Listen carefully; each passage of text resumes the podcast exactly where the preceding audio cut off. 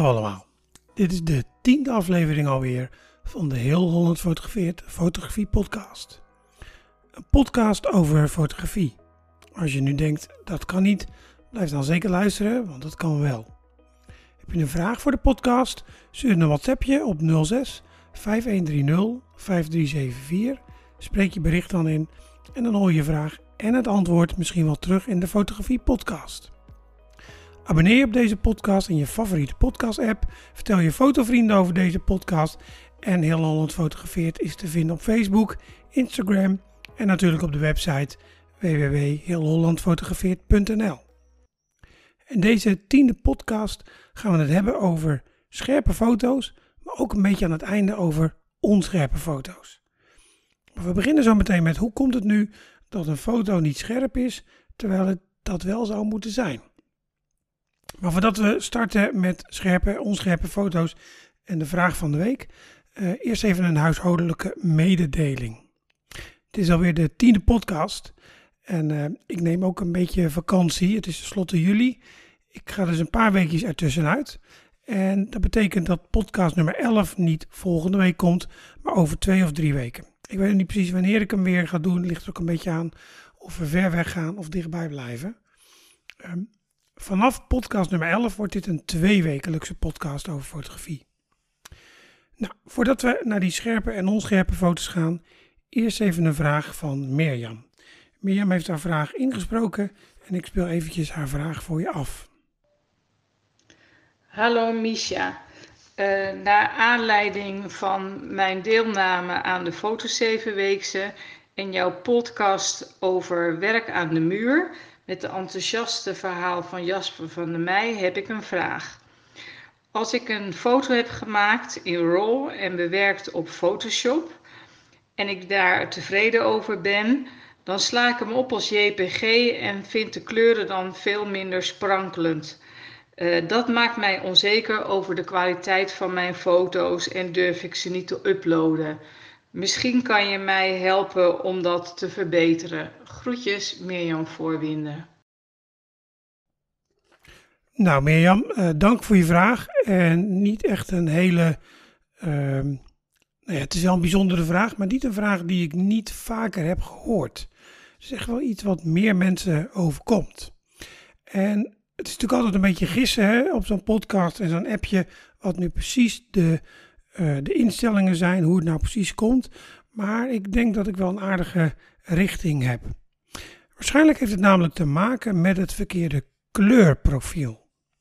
Vaak hebben mensen gehoord of gelezen ergens dat je in de camera de instelling moet zetten. Uh, zeker als je in RAW fotografeert, dan moet je het kleurprofiel kiezen. Adobe RGB of ProPhoto RGB. En vaak kan je dat ergens diep in je menu kiezen. En dan heb je meestal de keuze uit sRGB en een andere. En dat verschilt een beetje van merk tot merk. Maar vaak staat daar dan Adobe RGB of Profoto RGB. Nou, deze twee kleurruimtes, die Adobe en die Profoto, die, uh, dat zijn profielen, die hebben een hele grote kleurruimte. Je moet eigenlijk een beetje je voorstellen dat uh, alle kleuren die er zijn, nou dat zijn natuurlijk ontelbaar veel, niet al die kleuren kunnen door een monitor zichtbaar gemaakt worden.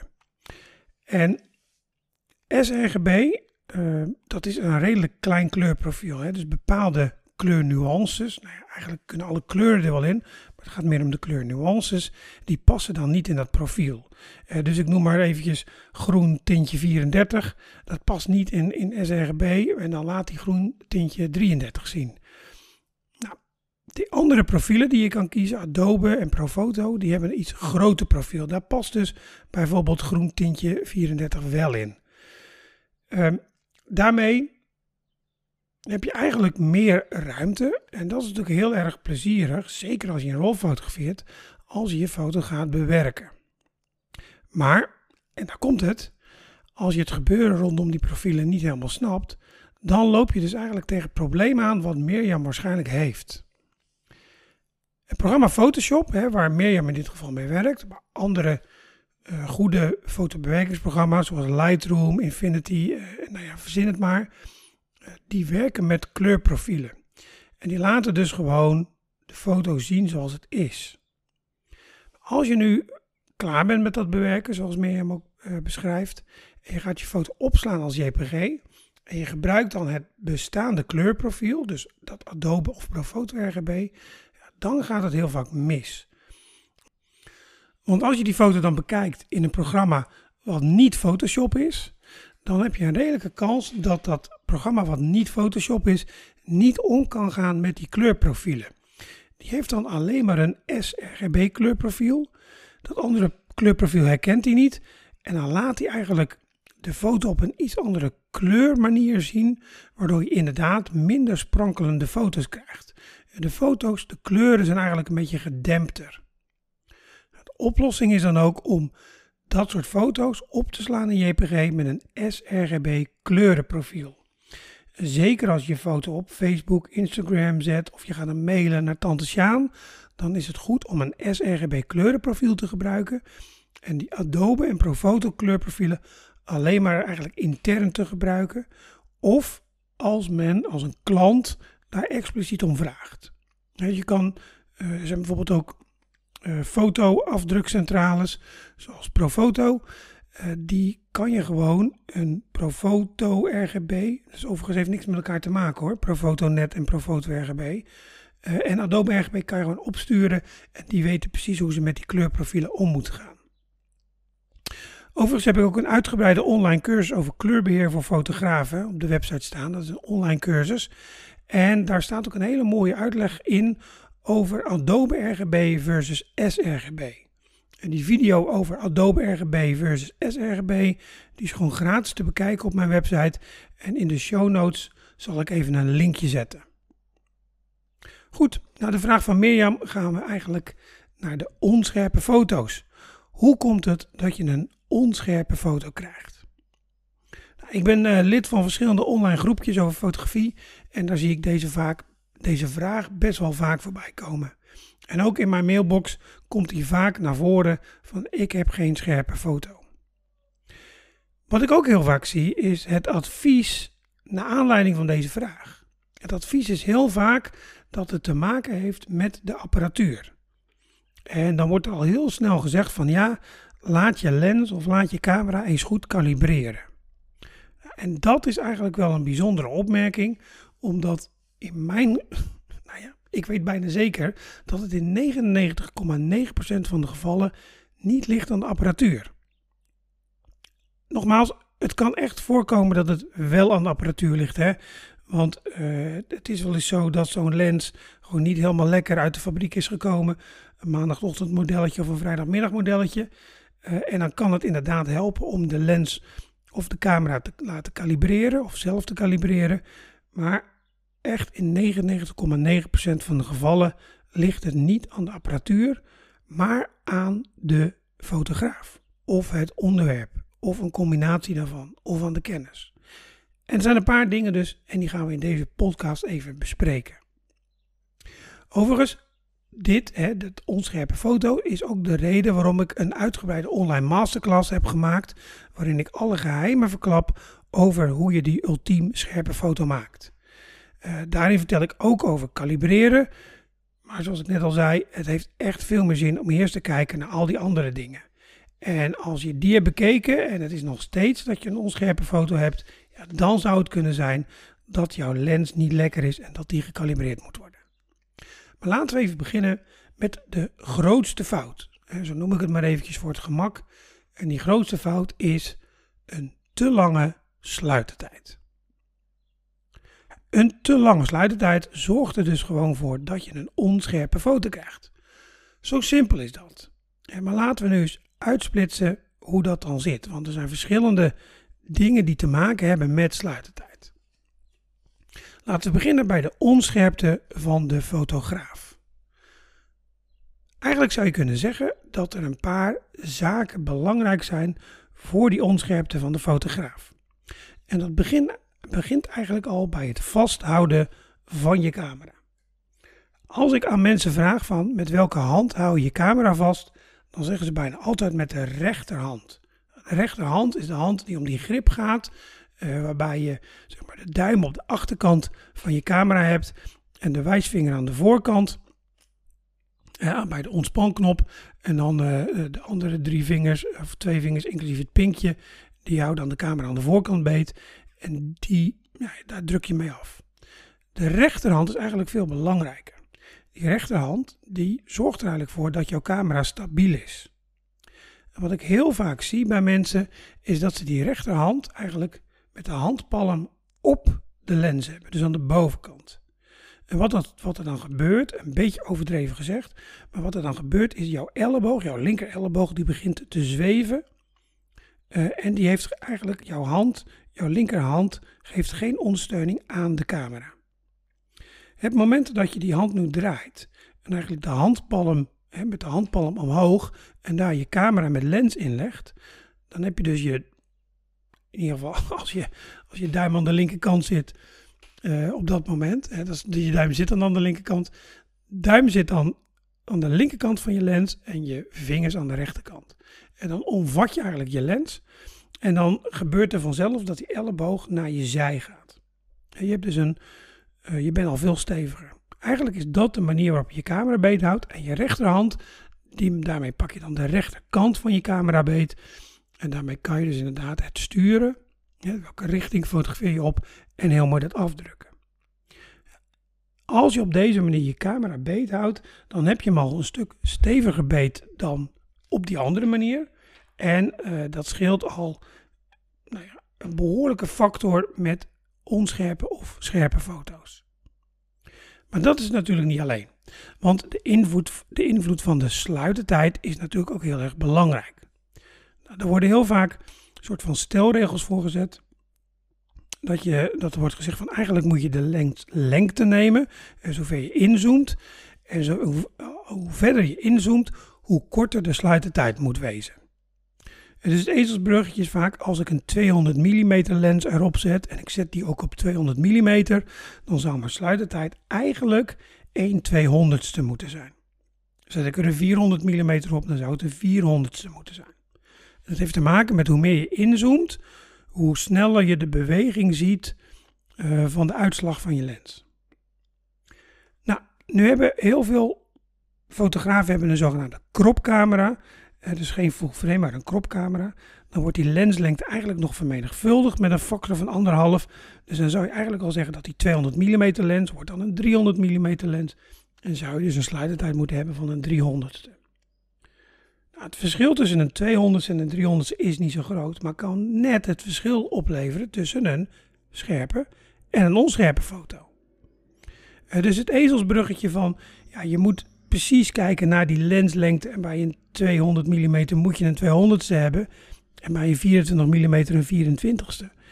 Ja, dat, dat, ja, dat zou je zo kunnen zeggen, maar dat is wel een beetje van persoon tot persoon afhankelijk.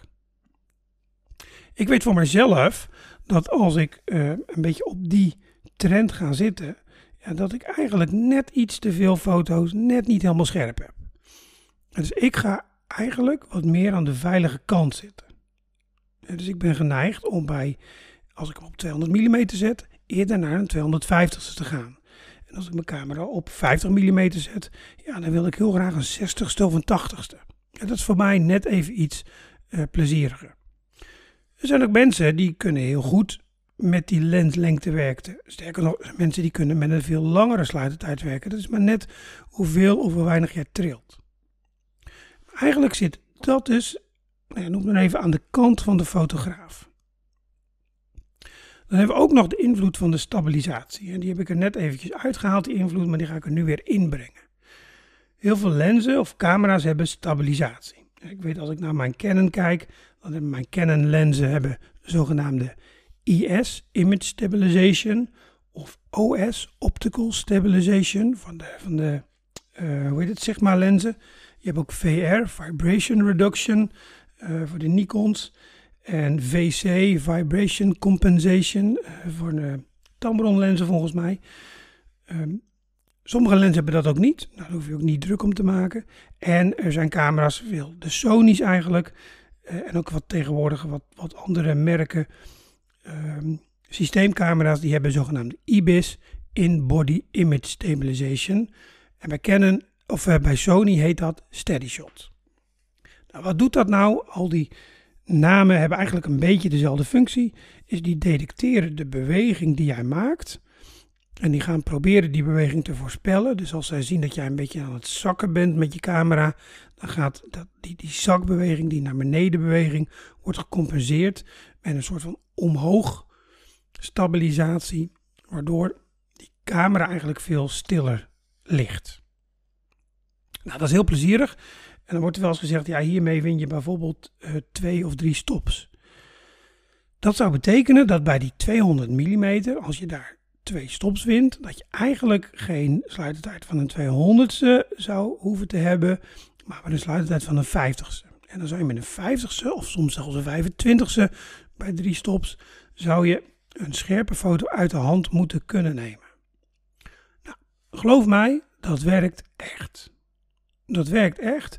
Ehm, alleen zou ik niet precies, hè, als de fabrikant zegt twee stops, zou ik niet precies die twee stops aanhouden. Zou ik nog steeds een beetje aan de veilige kant gaan zitten, maar dat helpt zeker. Dus een stabilisatie, hoe dat dan ook heet in jouw lens of camera, helpt je echt om eigenlijk die beweging die jij hebt, om die te minimaliseren. Waardoor je een grotere kans hebt op een scherpe foto. Maar ja, dan kan jij wel je camera stilhouden als je een onderwerp hebt wat beweegt en ook nog eens snel beweegt, dan heb je alsnog een onscherpe foto. En dan zitten we dus bij de onscherpte door het onderwerp. Als jij je 200 mm lens erop doet met stabilisatie en je hebt uitgeprobeerd, en dat is ook iets wat ik in mijn online masterclass vertel, ga dat nou eens uitproberen, kom daar nou eens voor jezelf achter. Maar je hebt dus uitgeprobeerd dat jij met, ik noem maar wat, een veertigste eigenlijk in, in 95% van de gevallen nog een scherpe foto heb met die 200 mm lens, ja, dan zou je zeggen, nou, ik zet hem lekker op een 40ste. Maar als je op dat moment een hond die aan het rennen is over het strand aan het fotograferen bent, ja, dan heeft die 40ste niet zoveel zin. Want in die 40ste beweegt die hond gewoon mega en heb je dus gewoon een onscherpe foto. dus je moet ook rekening houden met het onderwerp wat jij fotografeert. Fotografeer je een stil leven, iets wat stilstaat of bijna geen beweging heeft, een slakje. Ja, dan hoef je eigenlijk niet zo na te denken over die beweging door je onderwerp. Beweegt je onderwerp wel, ja, dan moet je daar echt rekening mee houden. En dus die 200 mm die ik dan misschien wel met die stabilisatie tot een 40ste kan reduceren. Ja, dat heeft helemaal geen zin, want ik zal eerder richting een 500 of misschien wel 1000 of nog wel korter moeten om die hond scherp op de foto te krijgen. En dus probeer daar ook goed over na te denken over wat doet mijn onderwerp. Nou, ik zei net al, op momenten dat je een stil leven fotografeert, ja, dan, dan maakt die sluitertijd uh, niet zo uit. Als je maar zorgt dat jij zelf die sluitertijd zo lang of kort hebt dat je geen bewogen foto hebt. Maar je kan er natuurlijk ook voor kiezen om je camera op dat moment op statief te zetten. Als je camera op statief staat, staat hij natuurlijk echt stil. Alleen dan is er toch nog iets wat roet in het eten kan gooien. De zogenaamde stabilisatie. Daar heb je hem weer. Die ISOS, VRVC, steady shot, dat soort dingen. Die kan dus zeker negatief werken op het moment dat jouw camera op statief staat. Want als je camera op statief staat en het staat echt goed stevig. En jij bent ook nog iemand die, die met een moker afdrukt. Waardoor je camera alsnog staat te dansen. Ehm, maar gewoon netjes afdrukt. En misschien zelfs al met de zelfontspanner ja, dan kan het zijn dat als je stabilisatie aanstaat, die stabilisatie eigenlijk trillingen ziet die er niet zijn en daarvoor gaat compenseren. En uh, eigenlijk zou ik je kunnen vertellen dat alles wat ik vertel in dit soort podcasts en tijdens mijn cursussen, dat is allemaal ervaring die ik zelf een keer mee heb gemaakt. Ik heb daar in New York gestaan, bovenop een gebouw, en ik heb prachtige avondfoto's gemaakt, totdat ik terugkwam in het hotel en erachter kwam dat ik mijn camera heel erg stevig had staan op een mini-statiefje. Eh, dus het bewoog eigenlijk niks. Maar omdat mijn stabilisatie aanstond, ik alsnog bewogen foto's had. En dat zag ik pas toen ik terugkwam in het hotel, toen ik de foto's in detail ging bekijken. En pas toen ik inzoomde, zag ik het. En dat is een beetje het vervelende van dit soort effecten. De effecten zijn zo klein dat je in eerste instantie achter op je schermpje niet ziet. En pas als je op je computer in groot formaat kijkt, dat je het wel ziet. Nou, dat, dat wil je natuurlijk eigenlijk niet. Nou, wat is nog meer een, reden waardoor een foto onscherp is of onscherp lijkt. Nou, dat is bijvoorbeeld als je een hele hoge ISO gebruikt. Een hele hoge ISO, en ik heb het over ISO in podcast nummer 5, maar een hele, hoge ISO die eh, geeft heel veel ruis. En ruis geeft, noem het maar even, ogenschijnlijke onscherpte. En soms is een hoge ISO nodig om nog een fatsoenlijke sluitertijd te krijgen. En dan moet je die ogenschijnlijke onscherpte van die hoge ISO maar een beetje voor lief nemen. Want als je ISO heel veel lager zet en je krijgt daardoor een te lange sluitertijd, ja, dan heb je er ook helemaal niks aan, want dan heb je zeker een onscherpe foto. Dus dat is altijd een beetje, beetje tricky. En nogmaals, kom ik weer terug naar, die, naar zo'n stilleven. Het moment dat jij een stilleven fotografeert, ja, dan is een hoge ISO helemaal niet nodig. Dan kan je gewoon ISO heel laag zetten, camera op statief en dan maakt ook je sluitertijd niet meer uit. Als je dan maar je stabilisatie uitzet. Nou, wat zijn nog meer redenen waardoor ik heel vaak te horen krijg van ja, ik weet het niet hoor, volgens mij moet mijn lens gecalibreerd worden. Nou, het moment dat jij een lens hebt die behoorlijk groot diafragma heeft, uh, bijvoorbeeld een, een 50 mm lens met een 1.8 of 1.4 uh, lens, of een uh, behoorlijke zoomlens die 2.8 is, ja, dan kan het zomaar zijn dat jouw scherpte diepte, als je dat hele grote diafragma gebruikt, heel, heel erg klein wordt. Zo'n echt heel klein mini scherpte diepte, die kan ervoor zorgen dat als jij een beetje naar voren of naar achter beweegt, je toch een onscherpe foto krijgt. Dus, dus tijdens het, eh, eigenlijk het moment tussen scherpstel en afdrukken, als je daar een klein beetje naar voren of naar achter beweegt, ja, dan kan het zomaar zijn dat dat wat je scherp wil hebben niet meer scherp is. En dat is met name iets wat je heel snel ziet op het moment dat je met macro aan de gang gaat. dus als je een macro lens hebt of met tussenringen werkt en heel dichtbij zit, ja, dan omdat je heel dichtbij zit, heb je al hele, hele, hele kleine scherpte dieptes. Soms uh, in de orde grootte van millimeters of nog kleiner. Uh, en als je dan ook nog eens een groot diafragma gebruikt, dan is dat helemaal nagenoeg niks. Ja, dan heb je dus heel snel een onscherpe foto. En dan kan het verschil tussen een, een klein zuchtje van jezelf, terwijl je uh, aan het scherpstellen bent, al voldoende onscherpte opleveren. En dus Denk daar ook goed over na. Wat voor diafragma gebruik ik? En moet mijn diafragma bijvoorbeeld niet wat kleiner om wat meer scherpte diepte te krijgen? Of als ik aan het uh, macro fotograferen ben, ja, weet in ieder geval dat dit speelt. Iets wat mijzelf niet zo lang geleden overkwam, is dat ik mijn foto's terug zat te kijken en dacht van, hé, hey, is toch niet allemaal lekker scherp allemaal? Hoe kan dat nou? Uh, en dat was een beetje wisselend van foto tot foto. En toen dacht ik, hm, even naar mijn camera kijken. En jawel, ik was er zelf even ingetrapt. Mijn camera stond namelijk nog op manueel focus. Of niet op mijn camera, mijn lens. En dat was omdat ik uh, thuis bezig was, geweest met uh, een macrootje. Ik had wat, uh, mijn camera op statief gezet en ik had wat handmatig scherp gesteld door met de live view in te zoomen. En dan is het altijd makkelijk om hem even op manueel focus te zetten. En ik was gewoon vergeten om hem weer terug te zetten. En ik ben er gewoon van uitgegaan dat hij op autofocus stond. En tijdens het fotograferen heb ik daar gewoon niet goed op gelet. Waardoor een groot deel van mijn foto's niet scherp was. Ja, suf, eigen schuld, dikke bult zou je kunnen zeggen. Eh, dat zijn eigenlijk heel veel voorkomende elementen waardoor een foto niet scherp is. Nou, de mailtjes die je krijgt zijn, gaan bijna altijd volgens eenzelfde opbouw. Van, hey Misha, hoi, uh, ik zie dat jij uh, uh, ook camera's schoonmaakt. Dat is niet allemaal waar, want ik maak op gevraagd maak ik de sensor schoon. Als je heel veel vlekjes hebt. Dus als je bij mij in de buurt woont en je hebt een vieze sensor, dan kan ik die schoonmaken. Maar dan komt er heel vaak de vraag achteraan, kalibreer je ook camera of lenzen? Want ik heb iedere keer onscherpe foto's. Ik ga dan altijd een beetje, een beetje terugvragen. Hoe komt dat? Heb je die onscherpe foto's altijd? En want als je ze af en toe hebt, ja, dan ligt het zeker niet aan de lens. dan komen we er eigenlijk altijd achter dat het dus niks te maken heeft met die lens. Of in ieder geval dat het op zijn minst goed is om eerst even te onderzoeken of het probleem wel op de lens ligt. Um, en dat kan je niet zomaar doen in de praktijk. We hebben die camera mee naar buiten, bloemetjes gaan fotograferen en zeggen: ja, ja, zie je wel, zie je wel. Nee, dat moet je dan echt wat anders aanpakken. Dan moet je je camera op statief gaan zetten. Dan moet je scherp stellen op iets heel duidelijks. En dan een paar keer een foto maken en dan kijk je inderdaad of het stevast erachter of stevast ervoor ligt. En dat doe je dan op verschillende afstanden, verschillende lenslengtes, verschillende diafragma's. En als je dan echt gewoon ziet dat het er altijd achter ligt, hè, je scherptepunt, ja, dan heb je echt wel een probleem. Dan heb je zogenaamde backfocus, ligt het er altijd voor, dan heb je frontfocus. En dan is het inderdaad zaak om dat te kalibreren. Um, dat is wat makkelijker de ene keer, wat moeilijker de andere keer. Soms kan je dat in de camera doen. Dan kan je gewoon een instelling zeggen van ik wil dat je zoveel klikjes, uh, gaat meestal in klikjes, naar voren of naar achter gaat. Uh, soms moet je ook echt uh, de lens in een soort van dock zetten om dat softwarematig te compenseren. Dat zijn allemaal manieren. Ehm, ja, ik heb ervoor besloten om dat niet te doen voor mijn, voor mijn cursisten, klanten.